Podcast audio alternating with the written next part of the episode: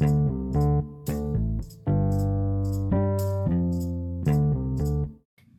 halo teman-teman semua, balik lagi dengan Kak Erlin. Nah kali ini kita udah lama ya nggak bicara lagi atau ngomongin lagi mengenai sains. Nah kali ini kita akan bahas mengenai pesawat sederhana. Kalau kita ngebayangin tentang pesawat pasti ingetnya apa coba? Yang ada di udara kan? Yang biasa kita naikin kalau misalnya mau berpergian keluar pulau Nah tapi Selain itu, ada juga nih kemaknaan dari pesawat sederhana. Kita akan bahas mengenai pesawat sederhana pada segmen hari ini. Apa sih itu pesawat sederhana? Pesawat sederhana adalah tiap-tiap alat yang digunakan untuk mempermudah melakukan usaha.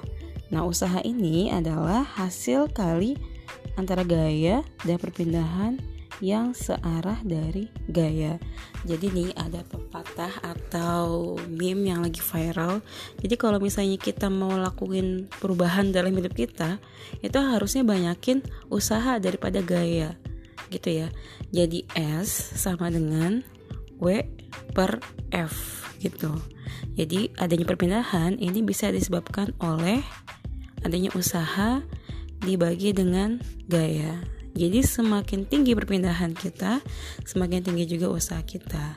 Atau semakin tinggi perpindahan kita, semakin rendah gaya yang kita gunakan. Gitu ya. Oke, ada yang hmm, rumus lain juga ya atau W sama dengan F dikali S. Dengan W itu dia usaha yang satuannya Joule F itu gaya yang satuannya Newton dan S merupakan perpindahan yang satuannya adalah meter. Seperti itu. Nah, kemampuan untuk melakukan usaha yang dilakukan persatuan waktu disebut dengan daya. Jadi, daya adalah usaha dibagi waktu, atau daya lambangnya biasanya P, power, itu sama dengan W, work, dibagi sama waktu atau time, T. Itu ya. Dengan daya sendiri, dia bisa merupakan joule per sek per bisa merupakan joule per second atau watt dan usaha joule kemudian waktu dia second. Nah, pesawat sederhana sendiri terdiri dari katrol, roda bergandar atau roda berporos, bidang miring, dan tuas. Tuas juga punya nama lain yaitu pengungkit. Kita bahas dari yang pertama yaitu katrol. Katrol berguna untuk mengangkat beban-beban secara vertikal, tegak lurus ke atas. Jenis katrol sendiri itu ada tiga. Yang pertama ada katrol tetap, yang kedua ada katrol bergerak, yang ketiga ada katrol majemuk, gitu ya. Nah, katrol tetap ini besar kuasa sama dengan besar beban. Jadi keuntungan mekanis itu sama dengan satu. Sedangkan katrol bebas atau katrol bergerak ini besar kuasanya adalah setengah kali berat beban atau keuntungan mekanisnya sama dengan dua. Jadi untuk menghitung e, besarnya keuntungan mekanis dari katrol yaitu W dibagi dengan F gitu ya. Nah kalau misalnya katrol majemuk jadi bisa dihitung keuntungan mekanisnya dengan banyak tali yang menarik atau menyangga beban. seperti itu. Kemudian yang kedua roda berporos. Roda berporos ini merupakan pesawat sederhana yang terdiri atas sebuah roda berputar yang dihubungkan dengan sebuah poros yang dapat berputar bersama-sama Roda dan poros merupakan pesawat sederhana yang berfungsi memperbesar kecepatan dan gaya. Keuntungan mekanis yang diperoleh dari roda berporos dapat dihitung dengan menggunakan persamaan berikut, gitu ya. Jadi ada nih persamaannya. KM sama dengan jari-jari roda dibagi jari-jari poros. Jadi bisa dilihat contoh dari roda berporos ini di sepeda. Itu bisa juga bisa dilihat di kursi roda atau sepatu roda. Yang ketiga dari jenis pesawat sederhana adalah bidang miring. Nah, biasanya nih bidang miring ini bisa membantu untuk menaikkan benda dari bawah ke atas gitu ya. Biasanya bendanya ini berbentuk bulat eh bulat atau tabung gitu ya. Jadi yang bisa didorong atau digelindingkan ke atas gitu ya. Rumusnya apa? Rumusnya adalah W dikali H sama dengan F dikali S atau W per F sama dengan S per H gitu. Ini bisa juga dihitung untuk uh, keuntungan mekanisnya ya.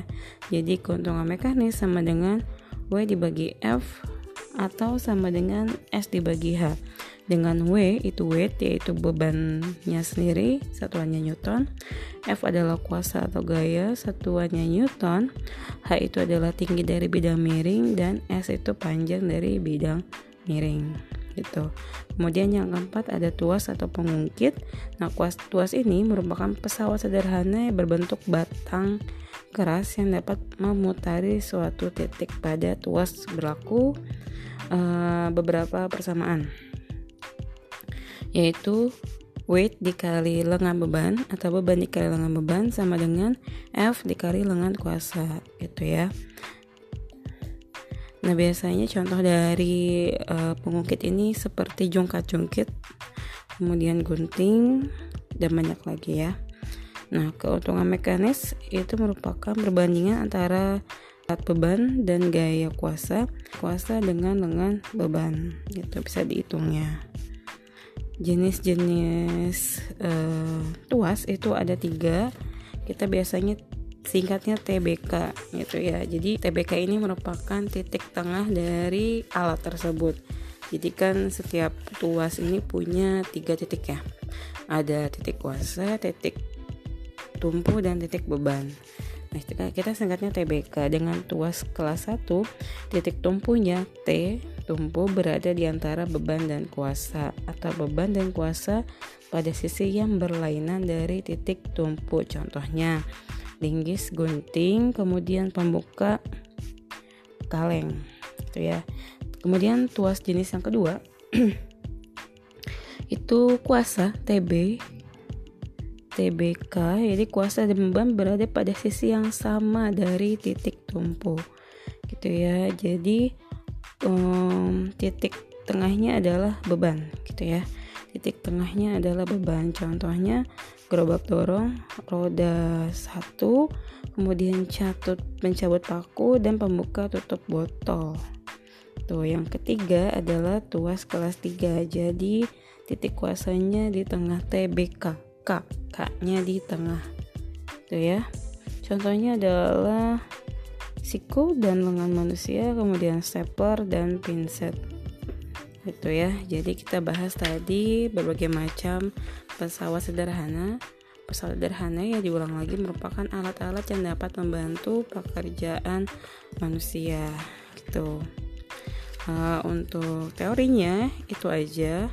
Kemudian uh, jangan lupa kita cari-cari lagi dari apa itu pesawat sederhana? Contohnya apa aja? Tuas dan pengungkit itu ada berapa? Gitu. Diulang-ulang lagi. Untuk latihannya bisa dicoba masing-masing ya. Oke mungkin untuk saat ini itu aja yang bisa disampaikan. Jangan lupa baca-baca lagi. Banyak latihan untuk menghitung ya teman-teman